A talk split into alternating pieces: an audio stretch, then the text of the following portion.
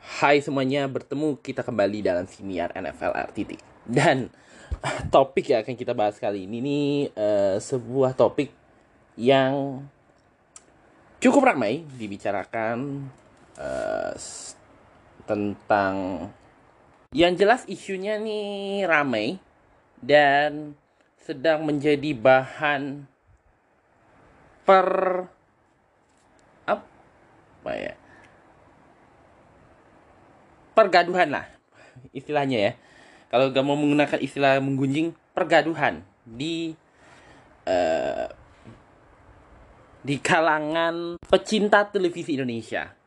Dan secara tidak langsung juga menciptakan diskursus tentang boleh nggak sih acara televisi menggamit babak dari acara terkenal luar negeri ya lebih tepatnya kita akan membahas mengenai uh, si bukan series ya lebih tepatnya drama drama dari jendela SMP yang dituding yang lebih tepatnya di lagi dimarahin sama orang-orang. Gara-gara gara-gara satu scene yang katanya memplagiasi sir adik salah satu adegan atau beberapa adegan dalam sebuah series yang sedang tren di luar negeri.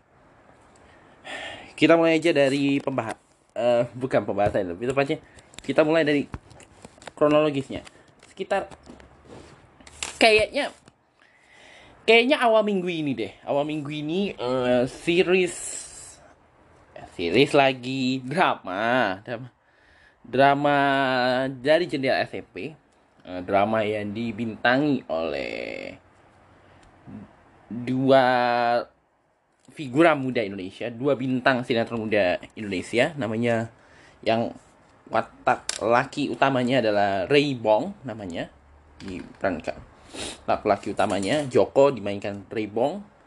Terus ada satu watak lagi yaitu Wulan namanya Wulan yang main Sandrina Michelle Kaliski dan kawan-kawan dia yang gak bisa gue sebutin satu persatu demi mempersingkat pembahasan dan katanya diinspirasikan daripada cerita uh, novel karya Ibu Mirawe. Nah, kenapa ramai? Gara-garanya gini. Dalam series ini terdapat satu episode di mana uh, dari jadwal SMP kan mulai bersiaran itu pada bulan Juni 2020. Fokus cerita utamanya adalah adalah uh, si Joko dan si Wulan itu. Ya kayak terjalin cinta dan benci lah. Ya seperti cerita-cerita cinta pada umumnya. Tetapi ada satu scene ini kayaknya sempat dibahas dulu. Yaitu jadi scene-nya mereka lagi di kolam renang terus gara-gara antara sama ada lagi hujan-hujanan atau lagi di kolam renang kayak hujan-hujanan deh. Akhirnya si bulan dikatakan mengandung. Nah pertama karena pertama gue buat asumsi gue mendengar daripada apa yang gue dengar diskursus pada musim pertamanya paruh pertamanya dari jendela SMP karena mereka nggak ngumumin uh, eh, PH dari DJS ya mengumumkan musim. Uh, terus aja gitu bikin seriesnya. Pertama gue belum baca bukunya Mirawi tapi gue juga belum ini lagi soal novelnya. Belum kulik-kulik lagi novelnya. Dan yang kedua eh, gue kan nonton. Gue nggak pernah nonton sinetron selama ini. Kalau lu tahu ya gue nggak pernah ngebahas sinetron apalagi nonton sinetron gitu. Ya gue gue ikutin apa yang lagi gue baca di apa tuh di media masa aja gitu tentang apa yang terjadi dalam dunia sinetron.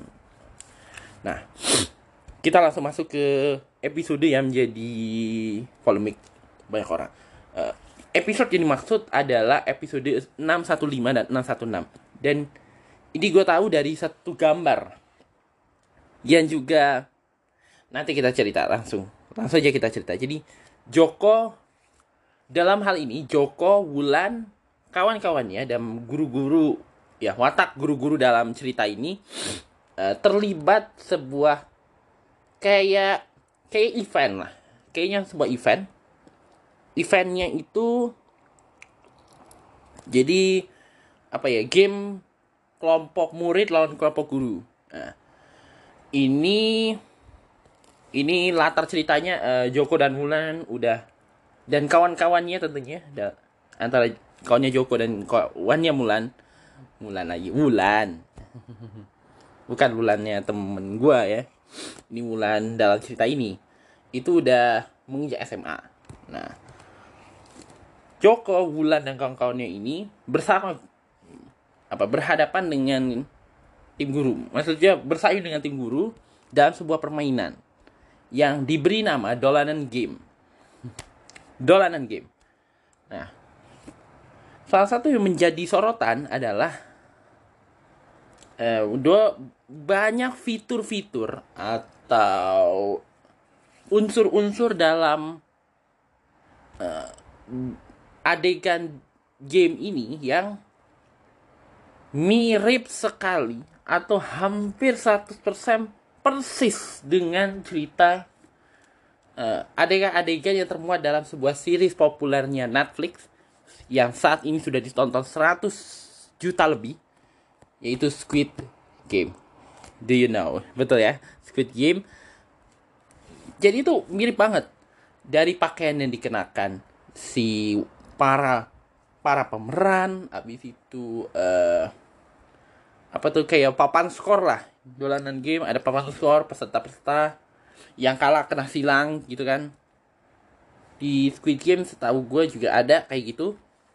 Terusnya ada satu orang ada pengawas gamenya. Cuma ada ada sedikit kebagongan di balik ini. Jadi kalau gue kan belum nonton ya Squid Game ya sampai sekarang. Karena gue nggak nggak langganan Netflix. Mahal bro. Enam puluh ribu per bulan. Ya Tuhan. Tapi rencananya gue pengen nonton tapi gak dalam masa terdekat sih. Tapi ya gitulah. Kalau lu perhatiin uh, Squid Game buat yang nonton ya buat yang udah nonton Squid Game di Netflix tuh banyak banget unsur-unsur terutama si pengawas game ya. Ada pengawas game yang pakai muka mukanya kayak serigala gitu kan. Pakai topeng serigala. Ada yang topengnya topeng hitam. Topeng hitam menutup muka. Terus dikasih tanda segitiga lingkaran sama persegi empat. Bukan segi empat lah kotak lah. Ya itulah. Ya, segi empat lah istilahnya.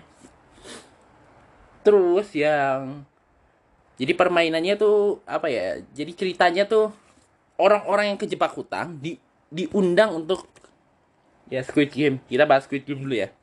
Jadi orang-orang yang terjebak hutang diundang untuk mengikuti sebuah game. Sebuah acara game show lah.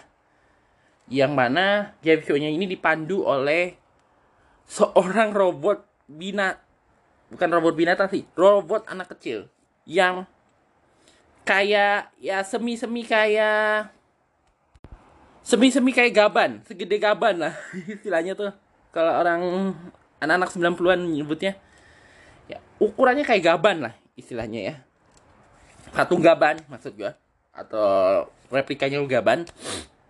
Nah, habis itu permainannya menarik salah satu yang banyak menyumbang mangsa, banyak meminta mangsa tuh yang permainan dalgona yang apa ya bikin pola-pola harus ini pola-pola pakai kayak jarum jarum apa namanya?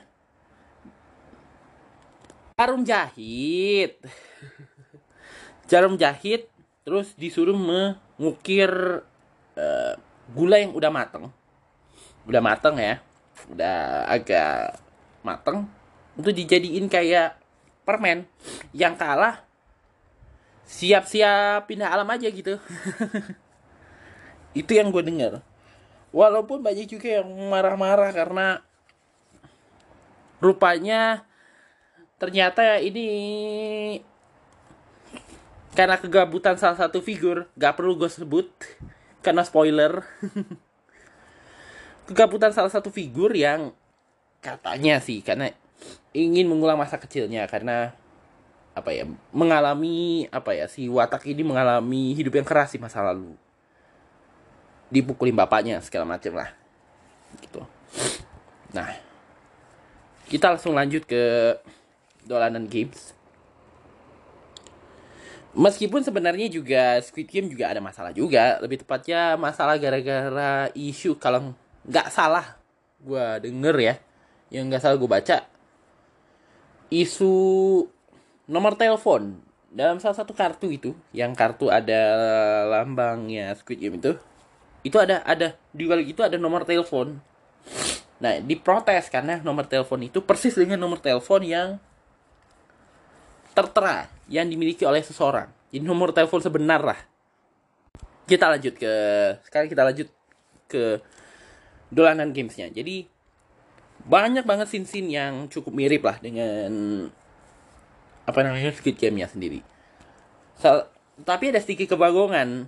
Ya, tadi kan gue cerita ya soal tentara yang pakai topeng hitam dengan lambang segitiga lingkaran segi empat itu yang ini uh, petugas ya pakai topeng ala-ala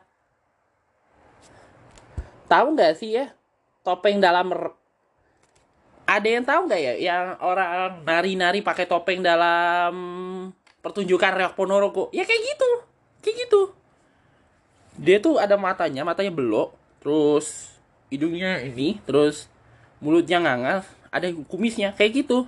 Ya agak mirip-mirip dikit dengan penari reok Ponorogo tapi bukan yang penari reok utamanya yang yang kayak bagong gitu loh. Coba deh nanti lu lihat deh. Ada satu orang tuh yang rap nari-nari gitu. Jadi sambil ini tangannya. Kayak nari semi-semi kayak Pak Prabowo kalau lagi joget tau nggak? Ya kayak gitu. Penari rap Ponorogo jadi topengnya tuh mirip kayak penari Ponorogo lah, salah satu penari Ponorogo. Beberapa. Terus permainannya tuh, kalau permainannya permainan-permainan ala Korea, permainan tradisional ala Korea kalau Squid Game.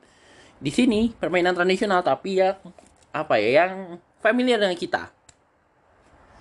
Jadi kayak gimana ya cara menggambarin ya? Ah, kayak main lompat tali. Kan ada satu kan yang petugas bagong tadi tuh pegang kayak tali lompat tali tapi tinggi. Terus ada tali, permainan tarik tambang. Gue tahu dari salah satu cuplikannya dan sebagainya. Yang kalah kalau di Squid Game tuh yang kalah kena bunuh. Siap-siap peregang nyawa lah istilahnya. Nah di dolanan gamenya DJS atau dari jendela SMP ini yang kalah Salim. Sungkem. Kurang Indonesia apa coba? Kurang membagongkan apa coba? Makanya banyak banget tuh yang posting foto nya di internet tuh yang apa ya screenshot dari atau eh screenshot dari hmm, babak-babak dalam dari jendela SMP yang komentar Squid Game dengan kearifan lokal.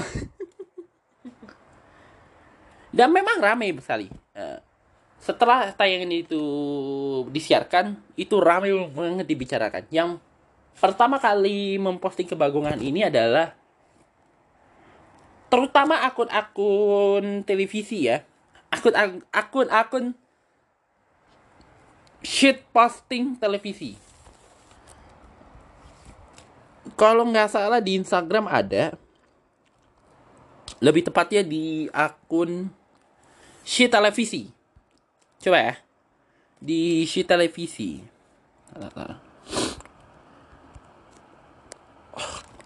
Hmm ini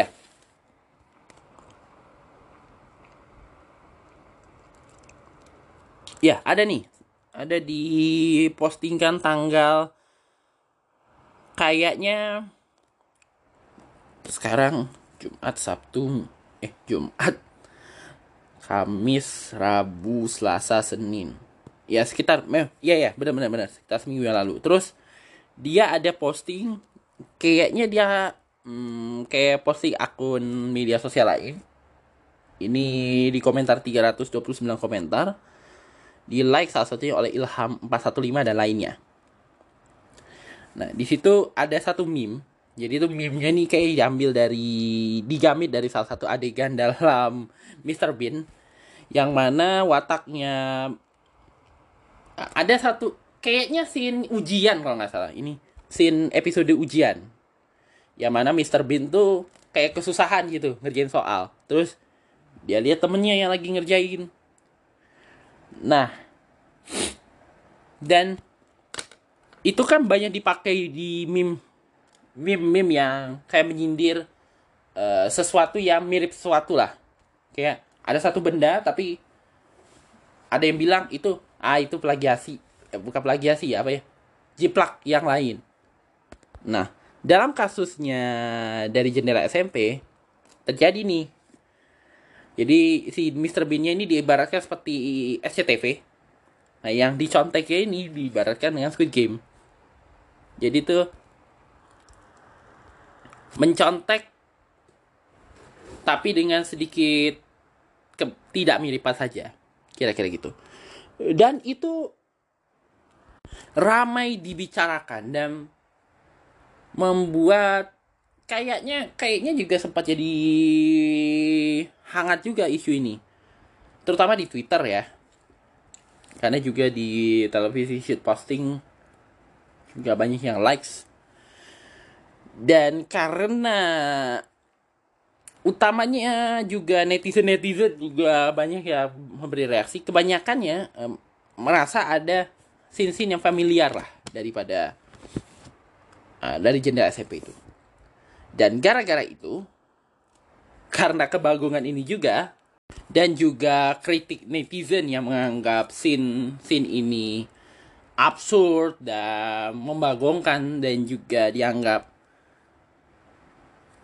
ya yang tadi gue bilang dianggap dituding melakukan plagiasi terhadap uh, series ini uh, Netflix memberikan tanggapan gitu ya.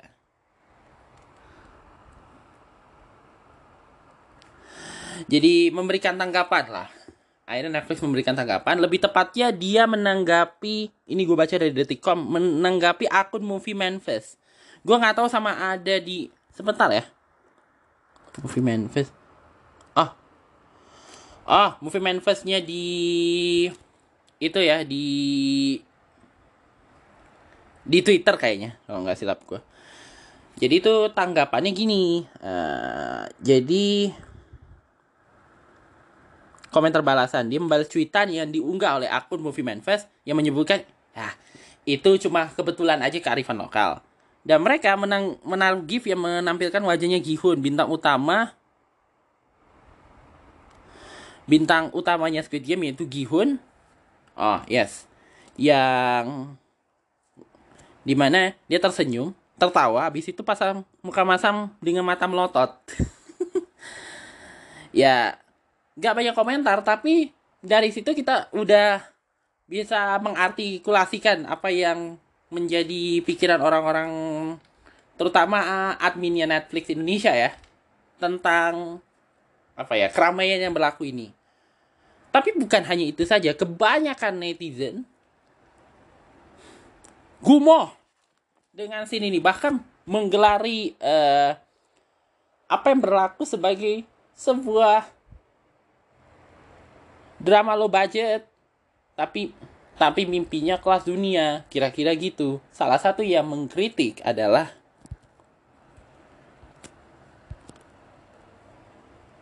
Ernest. Kalau nggak salah Ernest Prakasa deh. Ernest Prakasa. Dia kan memang agak di media sosial. Dan gue juga kebetulan tahu juga agak tahu-tahu dikit. Lebih tepatnya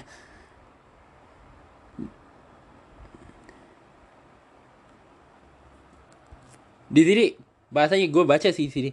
Emang gak malu gitu? Bikin bikin scene kayak gitu kira-kira gitu ya gambarannya.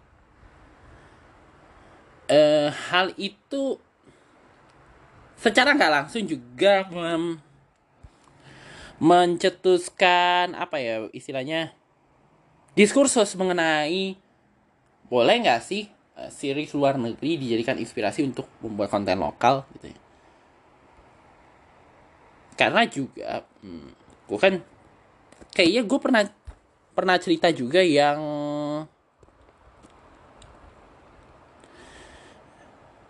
gue pernah cerita kan yang gue pernah gue sering ngikutin cerita di atau berita-berita di Malaysia kan. Nah, gue sempat baca soal Squid Game juga uh, adanya gue langsung teringat gara-gara kejadian ini gue langsung teringat apa yang gue nangkap di Malaysia. Adanya juga um, euforia juga mengenai dan memang apa yang berlaku ini juga tidak lepas dari euforia Squid Game series Squid Game itu sendiri. Euforia nah, di Malaysia ada euforia. Lebih tepatnya adalah uh, ramenya netizen Malaysia di Malaysia ya. Di Malaysia tapi tepatnya itu pada nge reply banyak figura banyak tokoh dan sinias-sinias Malaysia yang kebetulan baru aja mulai syuting lagi. Mereka colek. Mereka pada colekin satu-satu. Eh ayo dong bikin series kayak Squid Game.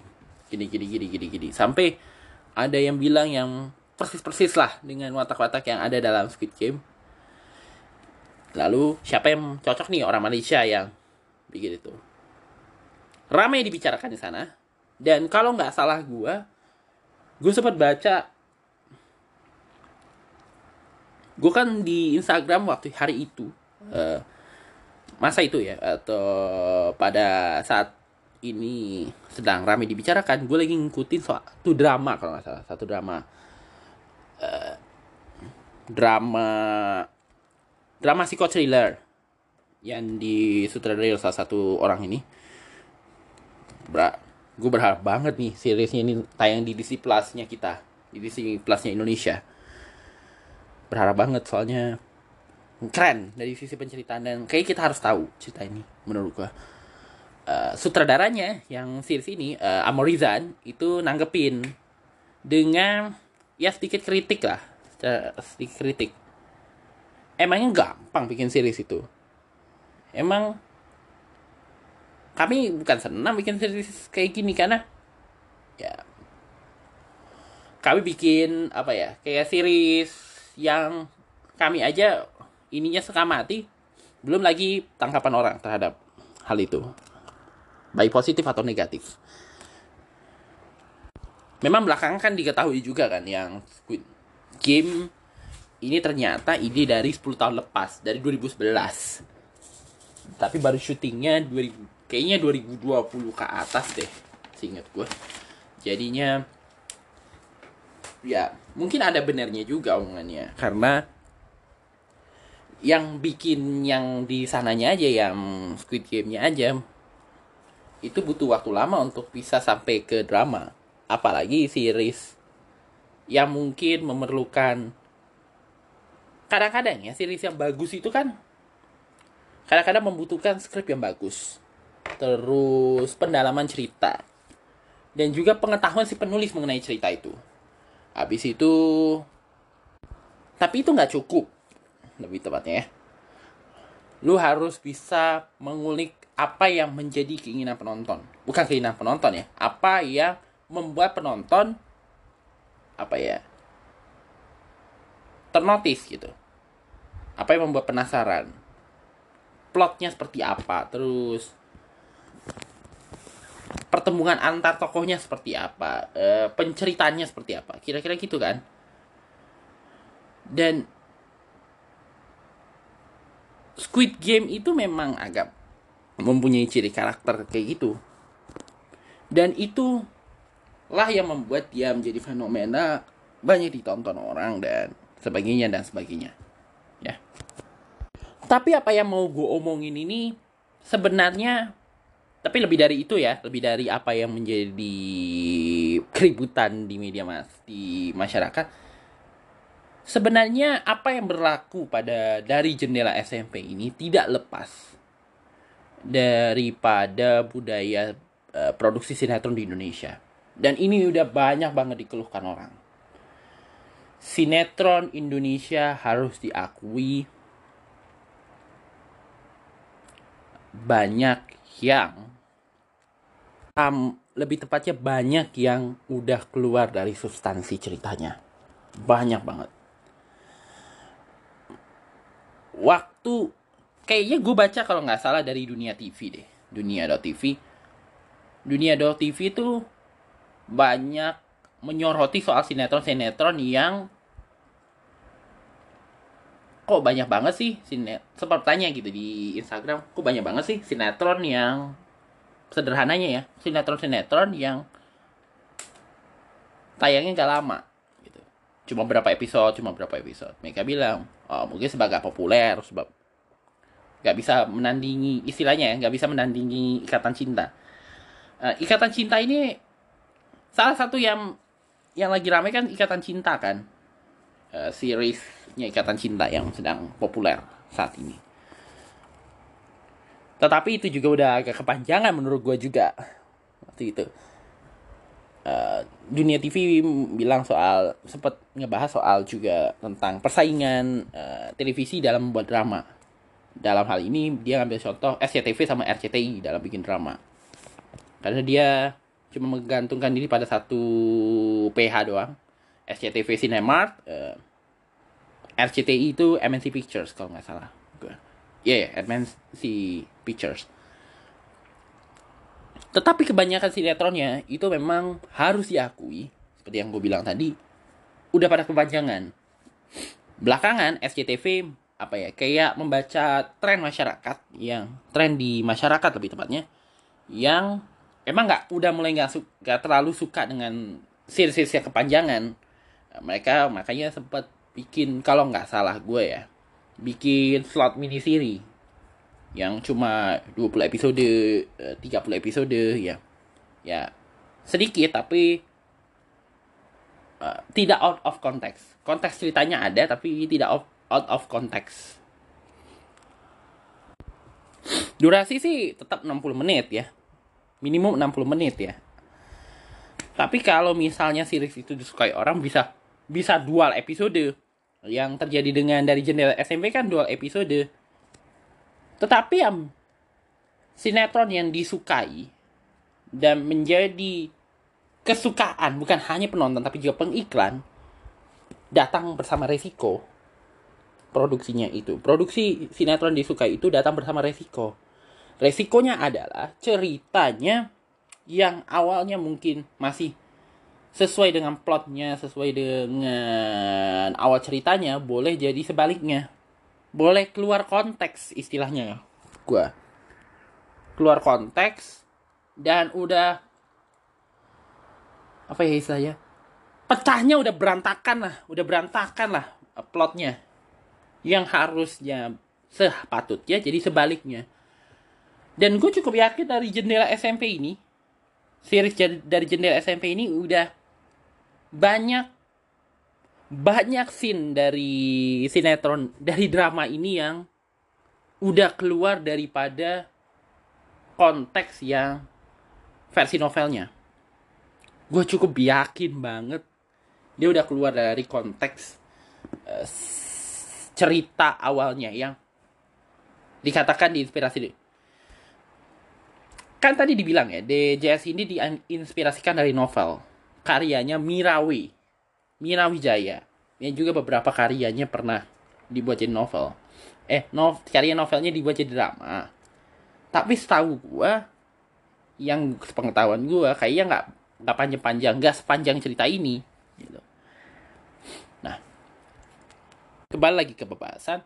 Uh, kemudian SCTV mulai nayangin drama-drama, tapi tapi banyak yang bertanya, kok nggak lama sih tayangannya? Gak laku ya. Bukan yang gak laku tapi memang kalau kalau ikutkan opini populer pasti pasti itu yang berlaku kan. Uh, nggak laku ratingnya kalah segala macem. Tapi lu sadar gak sih?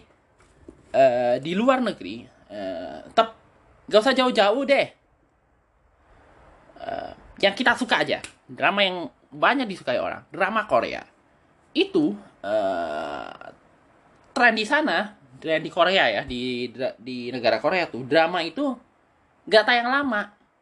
Kebanyakannya banyak yang nggak tayang lama. Kira-kira 16 episode. Dan durasi tetap ya bisa masih 80 90 menit ya ya kan? Tayangnya cuma beberapa ha- hari. Jadi misalnya slotnya gini ada yang slot tayangnya Senin Selasa ada yang slotnya Rabu Kamis ada yang slotnya Jumat dan Sabtu ada juga yang tayang satu minggu. Ya kan? Banyak yang kayak gitu kan? Atau gini lah istilahnya Senin dan Selasa ada yang Selasa dan Rabu ada yang Rabu dan Kamis ada yang Kamis dan Jumat ada yang Jumat dan Sabtu ada yang Sabtu dan Minggu. Ya kan? Nah rata-rata kalau lu ikutin ya sering ngikutin cerita Korea itu 16 episode. Sebanyak-banyaknya 16 episode.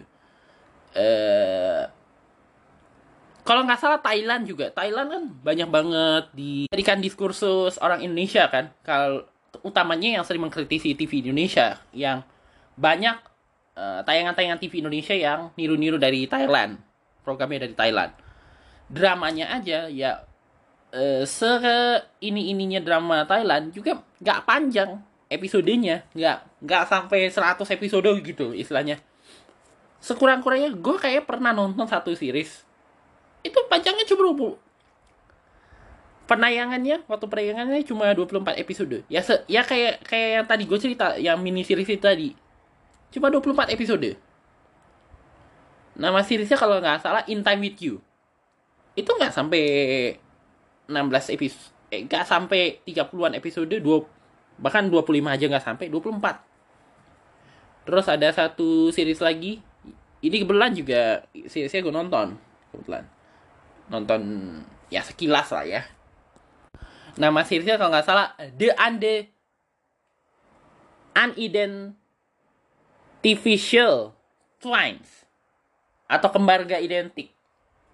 Series dari Thailand juga kebetulan juga tayang juga di platform uh, OTT-nya Indonesia uh, View, VTV itu juga nggak kak coba lu nonton. Nggak sampai 16 episode itu series. Series ya. Jadi sebenarnya uh, tren sekarang tuh tren sinetron di Indonesia atau series di Indonesia tuh kebanyakannya memang yang sekarang di SCTV itu mengikuti tren di sana yang sinetronnya tuh gak diciptain untuk tayang lama gitu. Ya untuk beberapa episode. Makanya badai pasti berlalu eh, naruli naluri hati aja mungkin. Mulai ke arah situ eh Kajeba Cinta juga nggak panjang 47 episode doang. Eh, kalau nggak salah 17 plus series ya ini kadang-kadang series keluarga. Tapi untuk tayangan malam itu kalau nggak salah 11 episode sisanya tayang di video. Mungkin ini ada ada masalahnya rating mungkin ya. Nah. terus ya lagi Badai Pasti Berlalu. Nah, series yang juga diinspirasi dari cerita Badai Pasti Berla- Berlalu. Tapi memandangkan series ini eh, adalah versi panjangnya daripada filmnya yang juga fenomenal.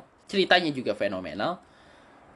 Kayaknya nggak memang sengaja dibuat nggak panjang karena kalau panjang pasti pasti Mas Eros Jarot marah. Mas Eros Jarot Mbak Christine Hakim orang-orang kayak Eros- Eros Jarot dan Christine Hakim pasti marah-marah. Iya kan? Pasti marah. Kalau Lah, perasaan kita nggak nggak nggak bikin sampai sampai musim kedua kok. Ini kayak kayak bikin musim kedua ya. Tapi memang realitanya eh, sinetron di Indonesia tuh udah banyak yang keluar konteks.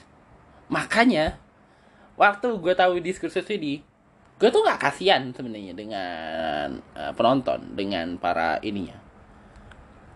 Gue cuma kasihan sama ahli warisnya ibu Mirawe. Gue nggak tahu ibu Mirawe sama ada masih hidup atau enggak atau udah meninggal. Siapa pun bagian dari keluarga Mirawi gue kepikiran sama mereka. Apa yang mereka pikirkan ketika karya mereka karya ibu mereka atau orang yang menjadi kepercayaan mereka tangan kanan mereka dijungkir balik kayak gitu. Dan jungkir baliknya itu membangkongkan dan parah membangkongkan parah. Parah banget menurut gue fatal sangat fatal. Tapi eh, di samping itu ada faktor lain. Dan dan lebih tepatnya adalah soal eh, ini sebenarnya keluhan dari televisi ya. Lebih tepatnya keluar dari televisi. Uh, kenapa series ini boleh kepanjangan dan kadang-kadang apa ya lebih tepatnya ya lebih panjang lagi kita membahas soal televisi dalam hal ini kok suka banget ngambil tren-tren dari luar? Gini. Uh, terkadang uh, televisi itu kan kebanyakan yang nonton kalangan kelas bawah ya masyarakat bawah tuh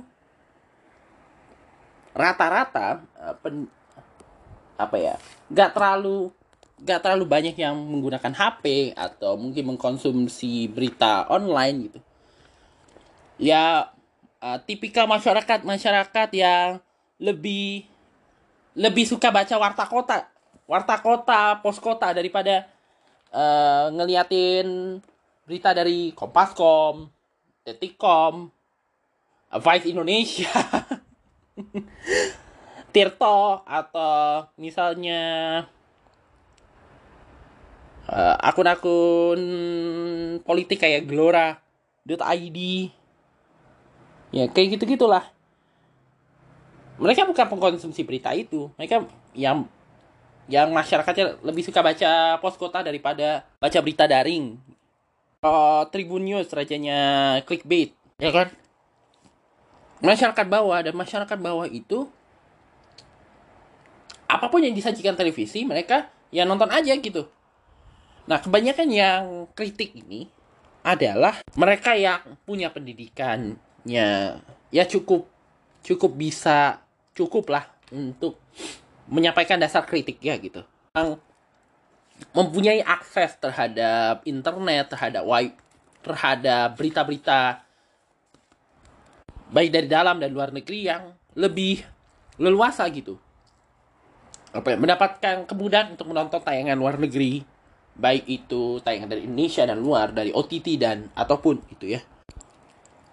Masyarakat bawah kan nggak tahu apa itu Squid Game. Kalau masyarakat kita tahu pasti yang yang yang namanya yang punya yang punya kelebihan itu tadi pasti tahu apa itu Squid Game. Makanya mereka boleh memprotes. Ya masyarakat bawah mana ada gitu kan yang protes kira-kira kan gitu. Nah karena itu uh, dan disebabkan kelompok-kelompok yang pendidikan atas nih uh, merasa bahwa apa ya bisa ah kebanyakannya itu mulai gak nonton TV lu sadar atau enggak banyak sekali masyarakat yang kelas atas tuh lebih banyak yang apa ya lebih suka menyaksikan tayangan-tayangan dari luar. Misalnya TV berlangganan yang dari luar negeri gitu kan. Yang tayangan dari luar disampaikan lagi di kanal digital atau di kanal TV berlangganan gitu ya atau misalnya nonton dari OTT kan banyak ya OTT sekarang di Indonesia tuh kayak WeTV, iQIYI, View, uh, Disney Plus Hotstar, bahkan juga yang lokal kayak video. Kan banyak gitu ya. Dan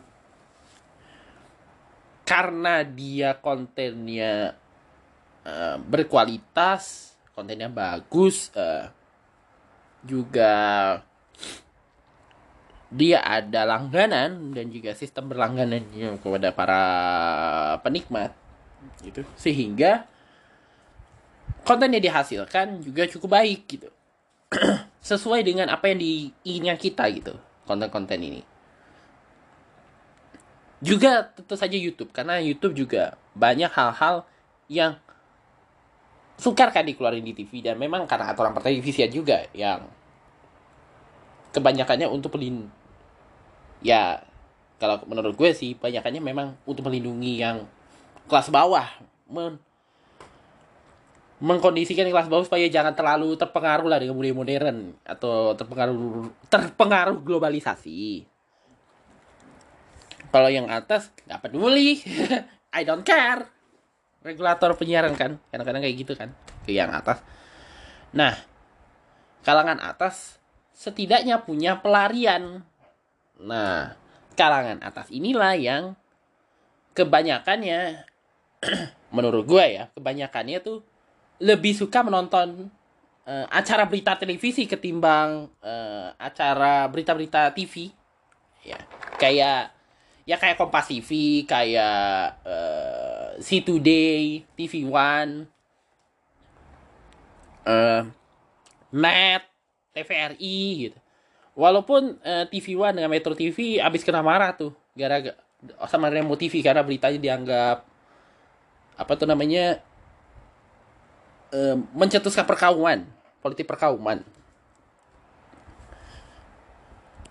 Tapi itu memang apa yang terjadi di TV kita gitu.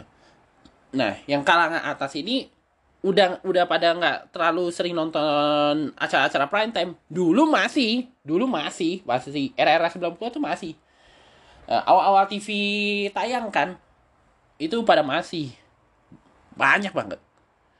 Terutama kalangan-kalangan yang suka uh, acara-acara luar negeri kayak animasi segala macam. Nah, ketika animasi itu mulai mulai apa ya istilahnya tuh kayak bukan disingkirkan ya di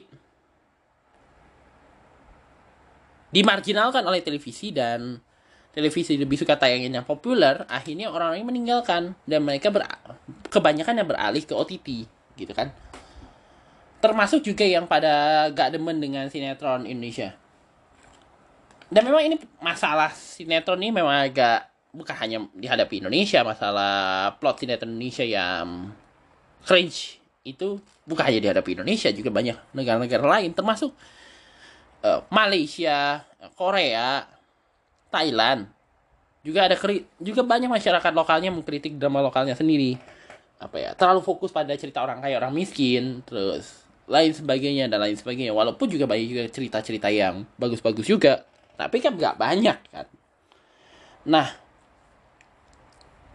kecenderungan orang orang yang lebih suka platform digital ini yang membuat televisi menghadapi tantangan tersendiri. Kan itu kan sampai nah, itu aja sampai kena gugat loh itu. Gara-gara kecenderungan orang yang uh, memilih menonton kanal digital ini bahkan mencetuskan sedikit masalah. Kalau lu ingat uh, tahun lalu uh, RCTI dan iNews pernah melemparkan gugatan di Mahkamah Konstitusi yang menggugat uh, gini deh sederhananya kenapa YouTube dan OTT itu yang sejenis Netflix ya dalam hal ini tuh nggak diatur aja dalam undang-undang penyiaran. Kan dia juga lembaga banyak konten-konten penyiaran gitu. Kok nggak diatur kayak kami gitu? Meskipun memang logis sih dan uh, gugatannya menurut gue juga walaupun banyak uh, hal-hal yang ganjil gitu. Kayak tidak sesuai di kearifan lokal segala macam gitu kan. Walaupun juga janggal juga gugatan ini karena lebih ada yang bilang lebih kayak ke faktor bisnis karena RCTI punya YouTube ya mirip YouTube uh, dia juga punya RCTI Plus Vision Plus yang apa ya mirip dengan uh, eh, OTT juga sejenis OTT tapi akhirnya endingnya undang-undang uh, uji materi undang-undangnya itu ditolak sama MK karena dianggap sudah keluar dari konteks lebih tepatnya keluar dari substansi kalau mau meminta apa ya sederhananya tuh kalau mau meminta OTT sama YouTube diatur ya lu harusnya melakukan itu ke undang-undang ITE ke undang-undang yang berkaitan dengan uh, YouTube dan OTT. Tapi ya mau gimana gitu. Orang-orang nggak bisa dicegah untuk lebih suka nonton drama di OTT dan ha- kalau lu tahu sekarang ya mungkin kak agak susah ya memang memang susah untuk mengubah drama di televisi tetapi harus diakui bahwa drama di sekarang itu bukannya berarti Indonesia nggak bisa bikin drama bagus. Memang benar uh, series di televisi itu susah untuk kita ubah karena memang permainannya pola, pola banyak-banyakan, pola rating. Keinginan penonton dan bertarung dengan keinginan pemodal. Dalam hal ini para pengiklan. Televisi serba salah dong gue juga bisa memahami sebenarnya teman-teman di televisi. Juga mereka serba salah sama ada menayangkan apa yang diinginkan penonton atau menayangkan yang diinginkan si pemodal ini tadi. Ya akhirnya mereka bikin apa yang ngetren aja gitu yang asalkan modal masuk gitu ya. Tapi bukan berarti kita apa ya miskin karya berkualitas. Coba lu. Makanya coba lu tengokin OTT deh. Yang pada sering ngomel-ngomel tentang acara drama TV gak berkualitas coba lu sering tengok-tengok OTT terutama WTV ya. Terutama WTV karena memang agak kebanyakannya series-series yang populer tuh dari WTV kalau lu tahu banyak banget series-series TV yang bagus-bagus gitu. Dan itu banyak disukai orang. Banyak orang notice dengan series itu kayak misalnya ya misalnya. Little Mom Sianida habis itu uh, My Lecture My Husband I Love You Silly uh, Ustaz Millennial. Itu banyak yang nonton banyak yang suka gitu dengan seriesnya. Habis itu apa ya seriesnya tuh tayang nggak banyak. Penayangannya durasi penayangannya sesuai dengan apa yang kita suka. Ya ya pendek tapi tetap tetap ada konteks ya jadi ceritanya masih masuk pada konteksnya. Karena kebanyakannya juga diambil dari novel kan. Kayak uh, My Lecture My Husband diambil dari novel. Hmm. yeah, bener-bener diambil dari novel. Terusnya ada satu series kesukaan gue tuh satu Amin Dua sayangnya gue belum sempat bahas. Itu juga diambil dari novel dan itu series. Oh ya kisah untuk Gary juga juga diambil dari dari novel. Dan yang suka series, ini bukan hanya Indonesia aja orang-orang Indonesia aja bahkan dari luar. Nah kemarin tuh uh, Little Moms dapat penghargaan karena trending di hampir 20-an negara. Kenapa? Karya yang dikerjakan secara serius dengan plot yang tidak menyusahkan dan apa ya penceritaan yang bagus bukan mustahil akan menjadi sebuah karya yang mempunyai karakter tersendiri. Dan kalau memiliki karakter maka karya itu akan membuat orang notice dan bisa mengatakan ini gue banget. Ini series gue banget gitu. Dan memang memang gue tahu dan gue paham kak. Dan tentu saja si nias nias ini paham bahwa ada masyarakat yang merindukan uh, series yang berkualitas gitu ya yang apa ya yang nggak pakai gimmick-gimmick gitu yang nggak pakai bumbu-bumbu yang membuat ceritanya jadi nggak selesai-selesai. Mereka butuh series yang apa ya istilahnya tuh enak ditonton nggak nggak apa namanya nggak nggak bikin bosen dan juga setiap cerita alur cerita yang bikin kita penasaran apa yang akan terjadi berikutnya nih kira-kira gitu kan. Uh, di TV juga sebenarnya di TV juga banyak series-series yang berkualitas. Salah satunya makanya gue juga mikir tuh mungkin itu juga sih alasan kenapa uh, preman pensiun tuh nggak kayak series-series kayak Amanah Wali atau tukang ojek pengkolan. Dia cuma muncul pas bulan puasa doang para pencari Tuhan juga kayak gitu cuma muncul pas bulan puasa doang sebab mereka tahu uh, si sinias ini uh, si pencipta cari ini pasti paham drama yang kepanjangan itu akan membuat kita jadi tidak fokus. Kalau kita bikin drama atau bikin sebuah series lah, cuma fokusnya untuk mengejar penonton, ya bikin apa yang penonton suka yang disukai penonton yang jadi tren. Meskipun itu mendatangkan resiko bahwa ceritanya akan tidak lagi sesuai dengan konteks apa yang berlaku sebenarnya. Kira-kira gitu kan? Tapi kalau lu buat cerita yang lu suka dan memiliki karakter sesuai dengan konteks, uh, plot, uh, watak, apa ya, pertemuan antar watak dan penceritanya bagus, pasti orang suka. Dan karena itu, memang harus diakui kita harus banyak belajar lah. Utamanya dari drama-drama luar. Gitu ya. Bagaimana seharusnya menciptakan sebuah tayangan yang bukan hanya masyarakat kecil bisa menonton tapi juga disukai kelompok-kelompok ini yang yang kelompok-kelompok yang lebih menyukai lebih lebih bersedia untuk menyaksikan tayangan-tayangan yang mereka menurut mereka mereka maulah nonton kayak gitu ditambah lagi uh, regulatornya juga perlu apa ya open minded uh, pemikiran terbuka terhadap uh, tren yang pentingnya tayangan tayangan-tayangan yang drama yang setidaknya memberikan pengajaran. Habis itu nggak ngebosonin ceritanya sesuai konteks masuk konteks. Kalau misalnya kayak drama adaptasi novel ya harus ikuti sesuai novelnya. Boleh boleh keluar boleh ada tambahan dikit tapi jangan jangan kelamaan gitu loh. Apa yang terjadi ini kan kelamaan kan yang gue bahas ini udah kelamaan. Karena kelamaan jadinya blank. Sebenarnya balik lagi. Sebenarnya balik lagi ke kita sebenarnya. Kita mau menerima televisi itu seperti apa yang sekarang kita lihat.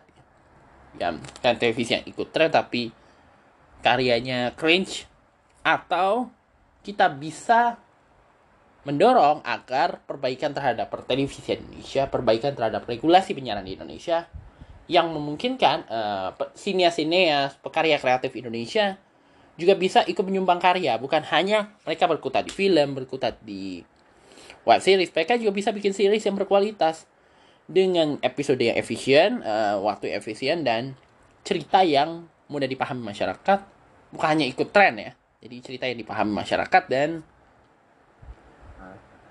bisa memberikan bukan apa ya istilahnya tuh bukan sekedar tontonan tapi juga tuntunan. Kira-kira gitulah.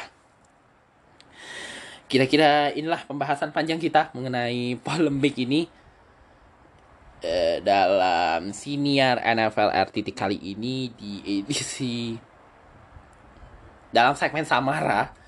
Dan Sampai berjumpa kembali di edisi berikutnya.